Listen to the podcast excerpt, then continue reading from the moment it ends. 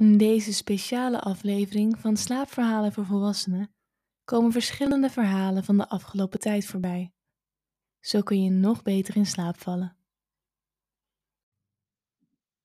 Welkom bij Slaapverhalen voor Volwassenen, een serie korte verhalen die je helpt tot rust te komen en gemakkelijker in slaap te vallen. In elk verhaal neem ik je mee in een situatie waar je volledig kunt ontspannen. Er komen geen plot twists of spannende ontknopingen, maar rustgevende situatieschetsen. Probeer de verhalen te visualiseren. Zo voorkom je dat je gaat piekeren. Neem voordat we beginnen de tijd om lekker te gaan liggen of zitten. Haal een paar keer diep adem en observeer je eigen lichaam zonder waardeoordeel. Scan in gedachten van je tenen tot het puntje van je kruin. Waar houd je nog spanning vast en kun je misschien meer loslaten? Breng nu je focus terug naar mijn stem. Je hoeft nu alleen nog maar te luisteren. Laten we beginnen. De lentewandeling. Ik sta met mijn blote voeten in het hoge gras, mijn gezicht naar de zon gedraaid en mijn ogen gesloten. De met dauw bespikkelde grassprietjes kriebelen tegen mijn enkels. Het is de eerste dag van de lente. En na een lange donkere winter ben ik met een rieten picknickmand de natuur ingetrokken, om de frisse wind alles wat de afgelopen maanden gebeurd is, weg te laten blazen. Ik open voorzichtig mijn ogen, knipper even tegen het licht en pak dan de mand die aan mijn voeten staat op. Ik laat mijn vingers over de stugge nerven van het riet strijken. Ondanks dat de mand vol proviand zit, is hij niet bijzonder zwaar. Ik adem diep in en begin aan mijn tocht. Het is warmer dan ik voorspeld had en ik besluit mijn winterjas aan de armen rond mijn middel te knopen. Hoewel ik van tevoren een route heb uitgestippeld, besluit ik deze te laten varen en mijn intuïtie te volgen. Ik loop vandaag liever langs de zacht kabbelende stroom die door het groene landschap meandert.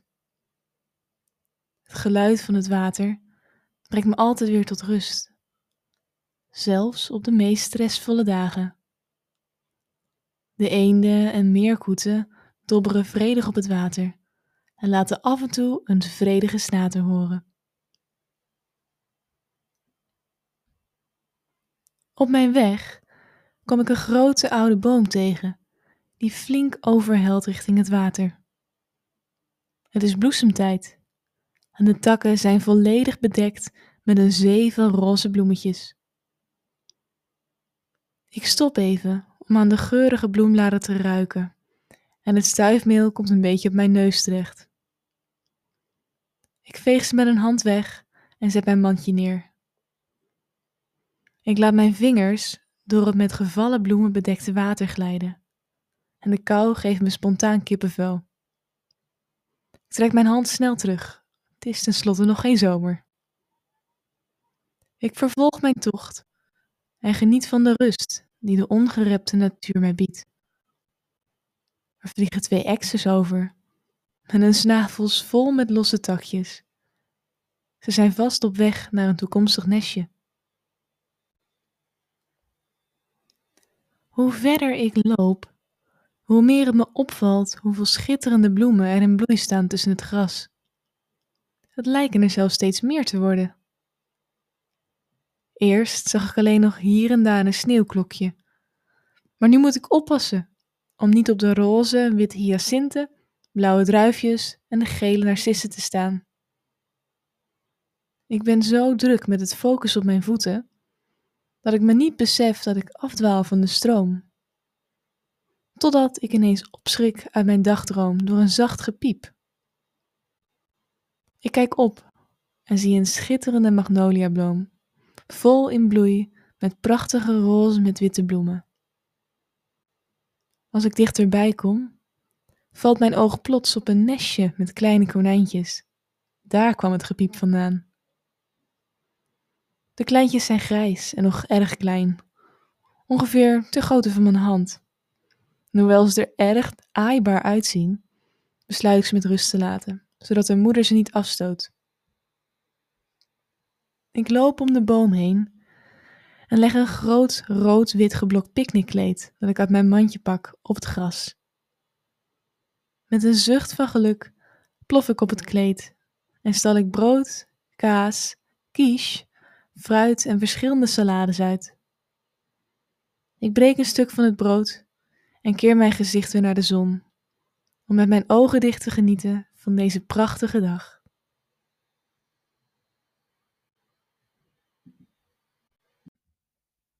Een nieuw begin. Het is een kristalheldere ochtend als ik al fluitend in mijn trouwe Fiat Panda over de drukke A2 richting Den Bosch rijd. Aan mijn achteruitkijkspiegel bungelt een vrolijke luchtverfrisser die naar viooltjes ruikt. Uit mijn speakers schalt een toepasselijk liedje van Guus Meeuwis, Brabant. Op de automatische piloot gaat mijn hand naar de volumeknop van de radio om deze op standje gehoorbeschadiging te zetten. Hopelijk heeft de goedlachse zanger gelijk en brengt mijn bestemming me een beetje licht en vreugde. Ik besluit de rechterbaan aan te houden. Ik heb geen haast en mijn vuurrode wagen is zo afgeladen dat de achterkant vervaarlijk richting het asfalt helt. Vandaag is een heel belangrijke dag voor mij. Ik heb vanochtend namelijk definitief de deur van mijn Amsterdamse appartement achter me dichtgetrokken. Ik ga de grote stad verruilen voor een oude hoeve aan een rivier die heel toepasselijk de Dommel wordt genoemd. Als ik na een flinke rit aankom bij mijn nieuwe vaste afslag, voel ik de vlinders in mijn buik rondfladderen. Het is geen vervelende spanning, maar meer iets moois. Zoals het moment dat je eindelijk aan de beurt bent bij de ijskraam, of wanneer je na uren in het vliegtuig de zee ziet glinsteren. Ik zet de radio weer wat zachter en besluit mijn raampje open te draaien. Meteen word ik begroet door het geloei van koeien en de frisse geur van vers gemaaid gras. Wat een verschil bij mijn vorige woonplaats. Ik heb sinds mijn studententijd altijd in Amsterdam gewoond en heb de stad steeds verder zien verharden. Het voelde dan ook niet langer als thuis. Toen ik de kans kreeg om deze woning aan de Brabantse rivier van mijn oudtante over te nemen, voelde het als een teken. Het was tijd voor een nieuw begin. Sinds ik het berichtje met de boodschap over het huis van mijn moeder kreeg, zijn er 72 uur verstreken. Ik heb alles wat ik met mijn eigen armen dragen kon in mijn auto gepropt en de rest achtergelaten. De hoeve is toch al gemeubileerd. Mijn huisbaas mag de versleten bank, het gammele bed en de koelkast verkopen. Hij was toch nogal verrast over mijn spontane vertrek. Dat is nogal voorzichtig uitgedrukt. Nu ik langs de weilanden door het pittoreske dorpje rijd, lijkt de drukte van Amsterdam iets te zijn uit een ander leven. De lucht is hier schoner en de kleuren lijken bijna helderder. Er waait hier een andere, frissere wind. Ik schakel van de derde versnelling terug naar de tweede, om een onverharde weg op te draaien. Stapvoets probeer ik om de kuilen in de weg heen te slingeren, wat me best goed afgaat. Een groepje schapen staat me vol verwondering aan te staren. Misschien is het toch wel duidelijk dat ik eigenlijk niet zo ervaren ben.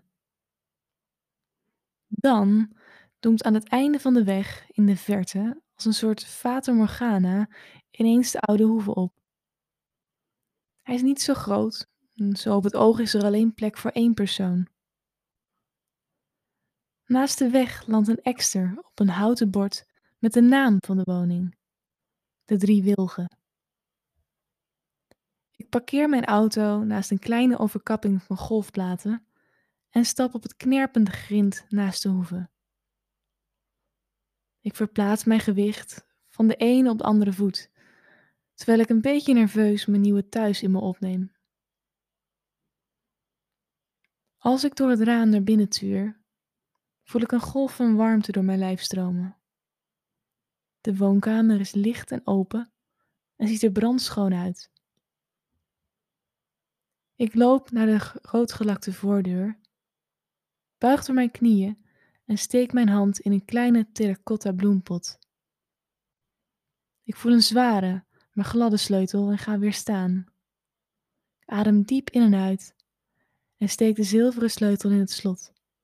Voel de deur met een klik opengaan.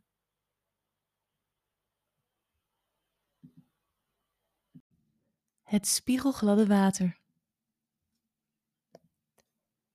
Het is een zachte zaterdagmiddag als ik met mijn kleine vissersbootje over een gigantisch meer peddel. Er heerst hier een diepe stilte, die alleen doorbroken wordt door het geluid van het water tegen de houten spanen. Ik focus me op de beweging van mijn armen, benen en rug als ik de roeispanen door en over het water laat ruisen. De zon staat al hoog aan de hemel, maar ik heb het niet te warm of koud. Het zachte briesje geeft precies genoeg koelte. Ik heb ook geen haast en besluit even te stoppen. In het spiegelgladde wateroppervlak zie ik de wolken boven me voorbij drijven, als plukken katoen. Ik ben pas twee dagen bij het meer, maar het voelt alsof ik thuis ben. Ik ben jarenlang op zoek geweest naar een plek die me echt rust kon geven. Waar ik kalmte en vrede kon voelen zonder het idee te hebben iets te moeten doen of actie te ondernemen. Nu ik het gevonden heb, heb ik het gevoel dat ik precies ben waar ik zou moeten zijn. De oude Zweedse visser in de haven had me aangekeken alsof ik gek was toen ik vroeg of ik zijn boot voor een paar uur mocht lenen. Het was voor hem al heel lang geleden dat hij überhaupt toeristen was tegengekomen. Het meer staat namelijk niet op de populaire reisblogs of TripAdvisor. En zelfs de Instagram-influencers hebben de schoonheid van dit gebied nog niet ontdekt. Gelukkig maar, want dat betekent dat ik de ongerepte natuur helemaal voor mezelf heb.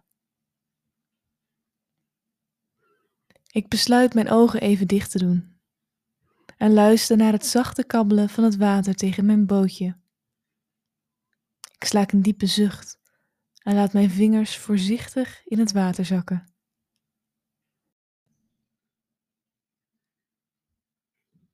Het is niet bepaald warm, maar toch ben ik aangenaam verrast door de zachtheid. Als ik naar mijn vingers kijk, zie ik plots een vreemde schittering in het water. Het lijkt alsof op de bodem van het meer iets in het zand ligt. Even aarzel ik. Zal ik een kijkje nemen? Of verder peddelen alsof ik niets gezien heb? Dan wint toch mijn nieuwsgierigheid en besluit ik het water in te gaan. Gelukkig had ik vanochtend een bikini onder mijn kleren aangedaan. Ik ga op de rand van de achterkant van de boot zitten en laat mijn tenen als eerste het water ingaan. Ik huiver even. Mijn voeten waren toch behoorlijk warm geworden in de zon, waardoor het water net wat kouder aanvoelt. In een opwelling besluit ik me in één keer het water in te laten zakken. De verkwikkende koelte tintelt op mijn huid. Dan neem ik een diepe ademteug en duik ik onder water. Daar is het nog stiller dan boven het wateroppervlak.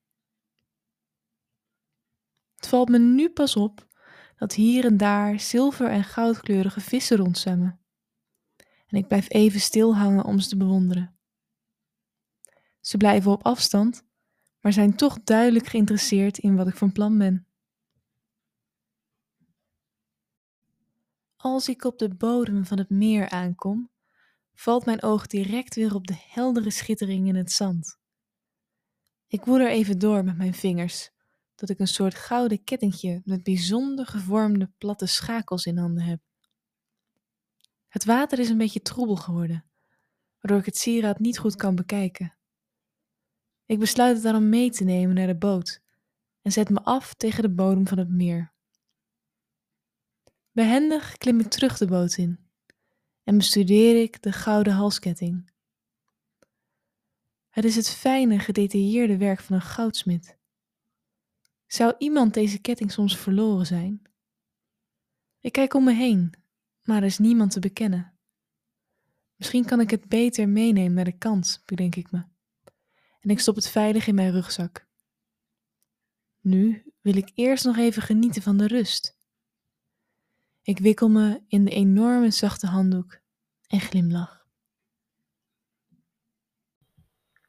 Bij de open haard. Het is een schemerachtige avond als ik me nestel in mijn favoriete leunstoel. De laatste zonnestralen vallen als tijgerstrepen over de vloer. In mijn stoel voel ik me gedragen door de veren onder het zachte fluweel. Het is een bijzonder grote stoel en sommige mensen zouden het zelfs een beetje overdreven groot noemen. Toch ben ik er dolblij mee. Ik kan er helemaal in wegkruipen. Als ik mijn voeten onder me krul, voel ik me zo geborgen als een kind. Ik kijk om me heen naar mijn omgeving. Ik zit in mijn woonkamer. En die is niet per se groot, maar wel warm ingericht naar mijn smaak. Met een lage kersenhouten tafel, donkerbruine tweezitsbank, waar ik eigenlijk nooit op zit, en een industriële lamp in de hoek. Een van de wanden is volledig bedekt met een reusachtige boekenkast, met boeken in alle soorten en maten. Ik heb ook een voorliefde voor groen in huis. Overal waar je kijkt staat een weelderige plant. Toch is het pronkstuk van mijn kleine paleisje de rustieke open haard. En op deze kille winterdag heb ik het vuur al vroeg aangemaakt. Inmiddels is het aanmaakhout al volledig opgebrand en de dikke houtblokken gloeien rood en blauw. Ik kan er enorm van genieten om lang in die vlammen te staren, terwijl ze een vurige tango lijken te dansen. Ik rijk naar beneden, naast mijn stoel, waar een dikke, grof gebreide sjaal ligt. Als ik hem omsla, ruik ik een combinatie van parfum en de geur van versgebakken cake, koekjes en muffins. Ik heb de hele middag in de keuken gestaan om baksels te maken voor de verjaardag van mijn nichtje Mirjam. Ik grinnik even als ik de bloemvlekken op mijn shirt, broeken en sok zie. Die gaat er in de was alweer uit. Ik slaak een diepe zucht, terwijl ik staar naar de vlammen van de haard en geniet van de geuren van kaneel, chocolade en vanille. Onze Mirjam is dol op zoetigheid, maar niet zo handig met de oven. Ik kan me nog goed herinneren hoe vorig jaar op haar verjaardag de hele kamer blauw stond van de rook. Ze had het zo gezellig met de visite dat ze de chocoladetaart in de oven helemaal vergeten was. Gelukkig leek ze er niet zo mee te zitten. Mirjam heeft namelijk een bijzonder ontspannen karakter. Daar kan ik nog veel van leren. Toen de gasten in paniek alle ramen tegen elkaar open hadden gezet, kwam ze met een grote grijns op haar gezicht de woonkamer inlopen. In haar armen twee grote chocoladetaarten uit de supermarkt. Dit jaar heb ik aangeboden om het gebak zelf te regelen. Ik heb immers jaren als banketwakker gewerkt. Ik schrik op uit mijn dagdroom, doordat er een stukje doorhout uit elkaar spat. Zo te zien is het weer tijd om een nieuw stuk hout op de haard te leggen. Loom kruip ik onder de sjaal vandaan en laat ik mijn voeten op de vloer rusten. De tegels zijn toch iets kouder dan ik verwacht had. En ik besluit mijn zachte, wijnrode pantoffels aan te trekken. Als ik voorbij de haard naar de mand met brandhout loop, voel ik de warmte gloeien op mijn armen en benen. Wanneer ik een groot blok hout uitzoek, valt mijn blik plotseling op het bosje rozemarijn dat mijn partner onder in de mand had gelegd voor hij naar Noorwegen vertrok. In een opwelling besluit ik de takjes samen met de blokken in het vuur te leggen. Ze vatten bijna direct vlam en verspreiden een onverwachte geurexplosie. Verrukt blijf ik even kijken naar de haard. Dan pak ik een licht vergeeld boek uit de kast en kruip ik weer lekker weg in mijn zachte, comfortabele leunstoel.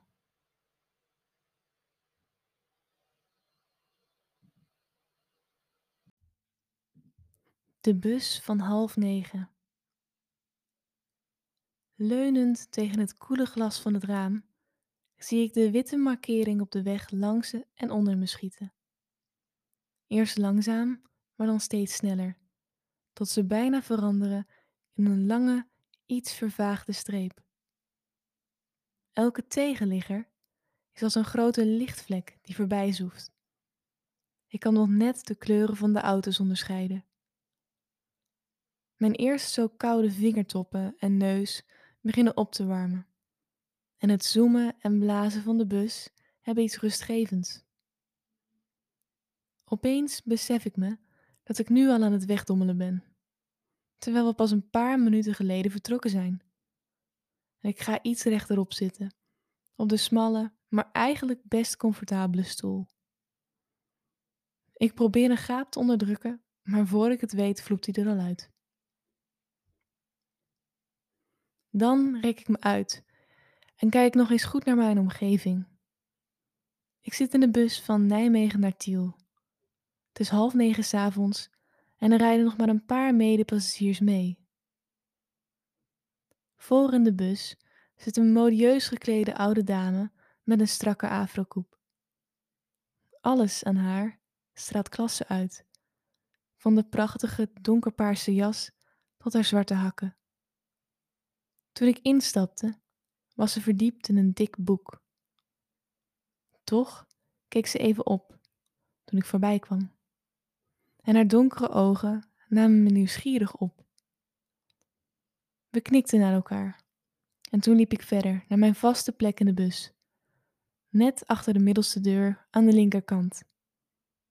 Deze plaatsen zitten iets hoger dan de andere plekken, waardoor ik een heel goed overzicht heb over alle stoelen. Ook heb ik iets meer beenruimte, wat ik met mijn bijna 1,80 goed kan gebruiken. Achter me drukt er iemand op de stopknop.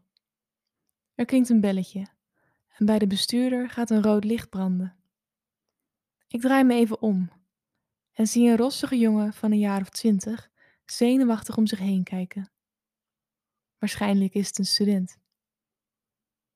In zijn handen houdt hij een boeketje met zeven rode rozen en één witte. Er glijdt een glimlach over mijn gezicht.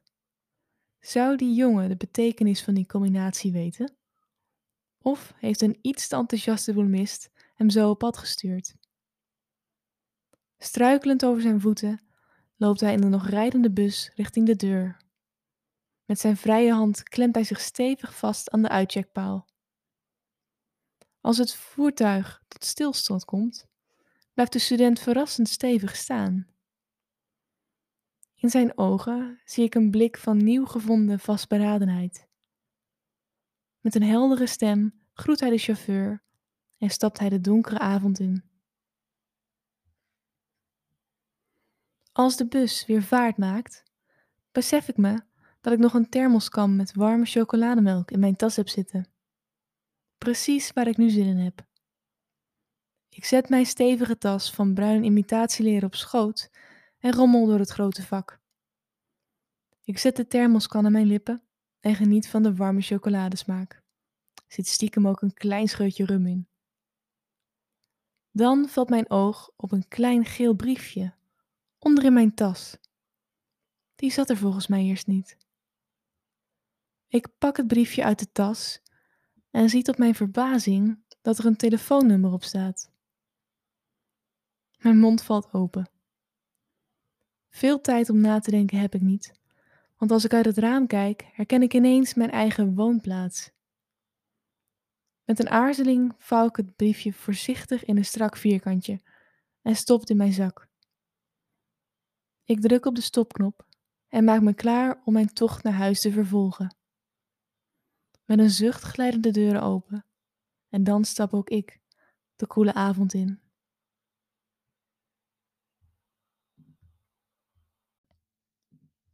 De schilder. Langzaam wrijf ik in mijn ogen, terwijl ik een laatste penseelstreek over het doek laat gaan. Het is pas vijf uur middags, maar ik voel een enorme gaap opkomen. Misschien komt het doordat het op dit tijdstip al schemerig begint te worden. Ik besluit om vanavond even rust te nemen en zet een paar stappen achteruit om mijn werk te bewonderen. Ik ben bezig met een typisch Holland landschap. Met een plas, wijdse groene velden vol gevlekte koeien en sloten ertussen. Er staat zelfs een kleine molen op de achtergrond.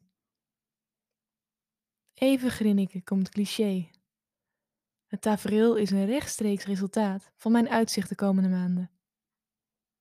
Ik mag deze periode namelijk gebruik maken van het landhuis aan het water van mijn broer Erik, die op wereldreis is. Ik heb mijn schildersezel naast de grote schuifdeuren gezet, die uitkijken op het schitterende landschap. Erik is fotograaf en af en toe stuurt hij een reeks kleurrijke foto's van de plekken waar hij geweest is. Zoals hij vorige maand in Cambodja, waar hij schitterende gouden paleizen en eeuwenoude tempels op de gevoelige plaat vastlegde. Nu is hij onderweg naar Japan om de neonlichten van Tokio te bewonderen. Hoewel reizen me echt fantastisch lijkt, vind ik het op dit moment helemaal prima om in Nederland te blijven. Hier kan ik me volledig focussen op mijn schilderijen. Ik ben nu bezig met mijn zestiende schilderij, maar ondanks de toch wel lovende kritieken voel ik me eigenlijk helemaal geen kunstenaar. Ik rommel maar wat aan, zeg ik altijd. Toch vind ik het ontzettend leuk om met verf bezig te zijn. Het geeft een bepaalde voldoening om te kunnen werken aan iets tastbaars, iets wat daadwerkelijk afkomt. Hoe anders was mijn leven hiervoor, toen ik dag in dag uit achter een overvol bureau zat, op een troosteloos kantoor. Met een glimlach op mijn gezicht loop ik naar mijn kleine klaptafel vol met verspetters, om de kwasten te laten weken in een bakje met azijn. Een truc die ik onlangs online heb gevonden. Ik loop naar de keuken om een glas wijn voor mezelf in te schenken. Voor iemand die zo weinig thuis is, heeft Erik een indrukwekkende wijnverzameling in zijn kelder. Met een grote zwaai open ik de grote Amerikaanse koelkast en pak ik de inmiddels goed gekoelde Viognier. Ik besloot er toch maar eentje koud te zetten. Ik pak een glimmende kurkentrekker uit een la en met een zachte plop trek ik de kurk uit de fles. Als ik mijn glas net vol heb geschonken, hoor ik plotseling een luid geplons buiten op het water. Nieuwsgierig schuif ik de glazen deur open en stap ik de houten vlonder op. Behoedzaam loop ik in de richting van het geluid en ik voel de brede groeven onder mijn voeten. De wind blaast mijn haar uit mijn gezicht en tot mijn verbazing is er een grote familie zwanen voor het huis geland. De twee ouders met hun witte verenpak zwemmen klapperend met hun vleugels om een grijze, pluizige kroost heen. Voorzichtig pak ik mijn telefoon uit mijn broekzak om ze niet te storen en maak ik snel een paar foto's om morgen als inspiratie te kunnen gebruiken. Ik slaak een diepe zucht, neem nog een slok van mijn wijn en laat me zakken op de vlonder. Dit was precies wat mijn schilderij nog miste.